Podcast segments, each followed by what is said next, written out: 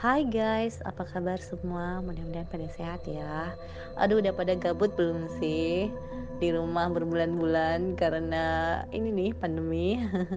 Mudah-mudahan tetap pada sehat ya dan tetap semangat tentunya.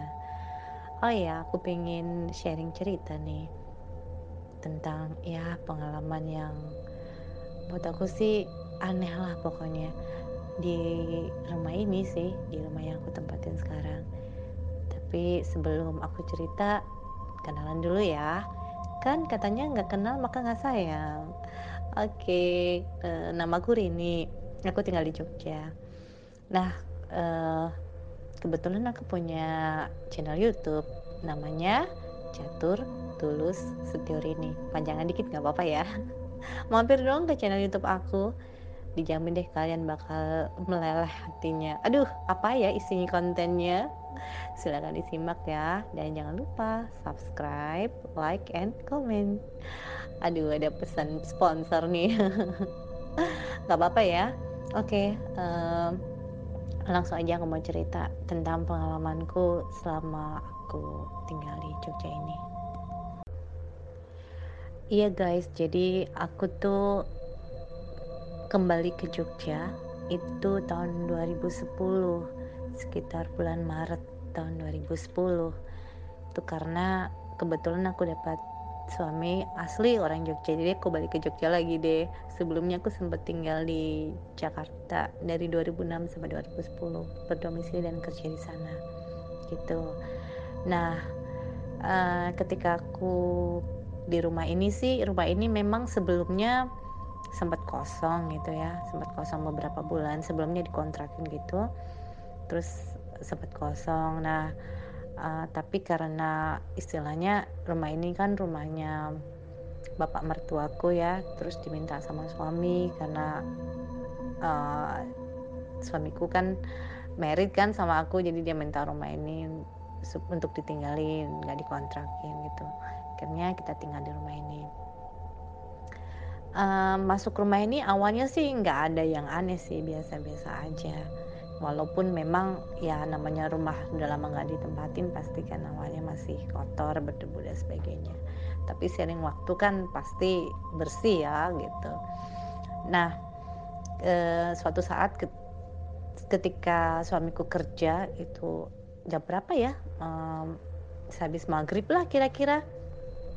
Itu e, adik iparku mainlah ke sini terus dia cerita kalau uh, dulu di depan rumah ini bukan dulu sih. Jadi memang di depan rumahku waktu itu ada pohon mangga gitu. Dan katanya pohon mangga itu ada penunggunya guys gitu. Memang sih kalau uh, kami ya istilahnya yang punya uh, lahan ini sih nggak pernah nggak pernah lihat langsung. Tapi katanya orang-orang di sekitar sini pernah ada yang lihat gitu. Biasanya makhluk gaib itu datang atau menampakkan diri menjelang subuh sekitar jam 3, jam 2 gitu. Itu makhluknya itu katanya tinggi besar, terus uh, hitam gitu ya. Cuma dia nggak yang mengganggu gimana sih, cuma ya menampakkan diri aja gitu. Nah, uh, ketika mendengar cerita itu ya ya secara spontan lah aku agak-agak nggak takut juga lah ya. Karena kan waktu itu uh, suamiku lagi kerja gitu. Pas ada jadwal kerjanya malam jadi memang uh, aku di rumah sendiri kan. Tapi ya itu uh, ditemenin adik yang lagi main. Nah kebetulan itu pohon mangga itu letaknya sebelahan sama kamar mandi. Nah kamar mandiku ini kan letaknya uh, di luar rumahku. Jadi masih satu tembok sama rumahku eh, sama bagian dapur tapi di bagian luar. Jadi kalau mau ke kamar mandi harus keluar rumah gitu. Nah otomatis lah gitu, uh, itu menyebabkan aku agak-agak kalau ingat cerita itu agak-agak takut juga. Tapi memang ya selama ini sih aku belum pernah ngalamin yang gimana. Ya takutnya ya lebih ke bukan lebih ke makhluk itu karena kan uh, biasanya sih kalau aku takut, aku minta suami untuk nganterin pas kamar mandi kalau malam gitu, apalagi waktu itu lagi hamil anak pertama kan. Tuh. Nah, baru bener-bener kerasa itu ketika anakku lahir. Iya, ketika anakku yang pertama lahir itu dia kalau malam suka nangis gitu, nangis tanpa sebab gitu. Tapi biasanya kalau sudah digendong keluar sih biasanya terus berhenti nangisnya gitu. Dan yang lebih menakutkan itu ketika dia umur satu tahun lebih lah. Nah waktu itu juga kira-kira habis maghrib suamiku nganter ibuku ke minimarket, aku di rumah sama anakku aja. Tiba-tiba anakku tuh um, dia itu nangis ketakutan nunjuk ke atas gitu sambil minta gendong gitu. Sementara aku sendiri nggak berani kan untuk um, untuk apa untuk lihat gitu kan. Ya udah jadinya uh, aku juga jadi ketakut lah istilahnya. Apa yang dia lihat anak kecil kan biasanya lebih peka ya gitu. Kayaknya dia aku peluk gitu terus aku berdoa ya nggak lama kemudian dia bisa tenang dan ya suami sama ibuku pulang sih. Terus aku cerita kata mereka ya mungkin ada yang lewat anak anak kita tak apa tahu gitu. Itu anak pertama. Nah anak kedua sama aja. Jadi dia itu kalau malam suka rewel gitu nangis. Terus apalagi kalau lihat uh, pojok kamar gitu kadang-kadang dia suka kayak merengek-rengek ketak merengek-rengek kayak mau nangis-nangis gitu kan Nah, tapi suatu saat justru berbalik.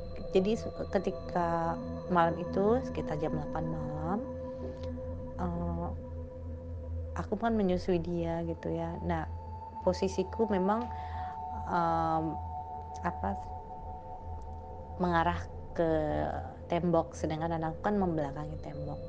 Nah, tiba-tiba dia tuh berbalik ke tembok dan ketawa-ketawa sendiri, guys. Kayak ada yang ngajak bercanda gitu loh. Itu juga bikin aku yang aduh, ini lihat apa lagi sih gitu kan. Sampai aku bilang pada sama suamiku, kebetulan suamiku ada di rumah tuh. Ini kenapa ya, Pak ya? Kok adik kok ketawa sendiri. Tapi suamiku memang dia tenang kan. Dia langsung bilang, "Ya mungkin lagi diajak uh, apa bercanda sama yang nunggu." Gitu aja ya memang nggak lama sih. Nah kebetulan yang tembok yang uh, adik si adik ketawa-ketawa tadi kan itu uh, mengarah ke gudang gitu.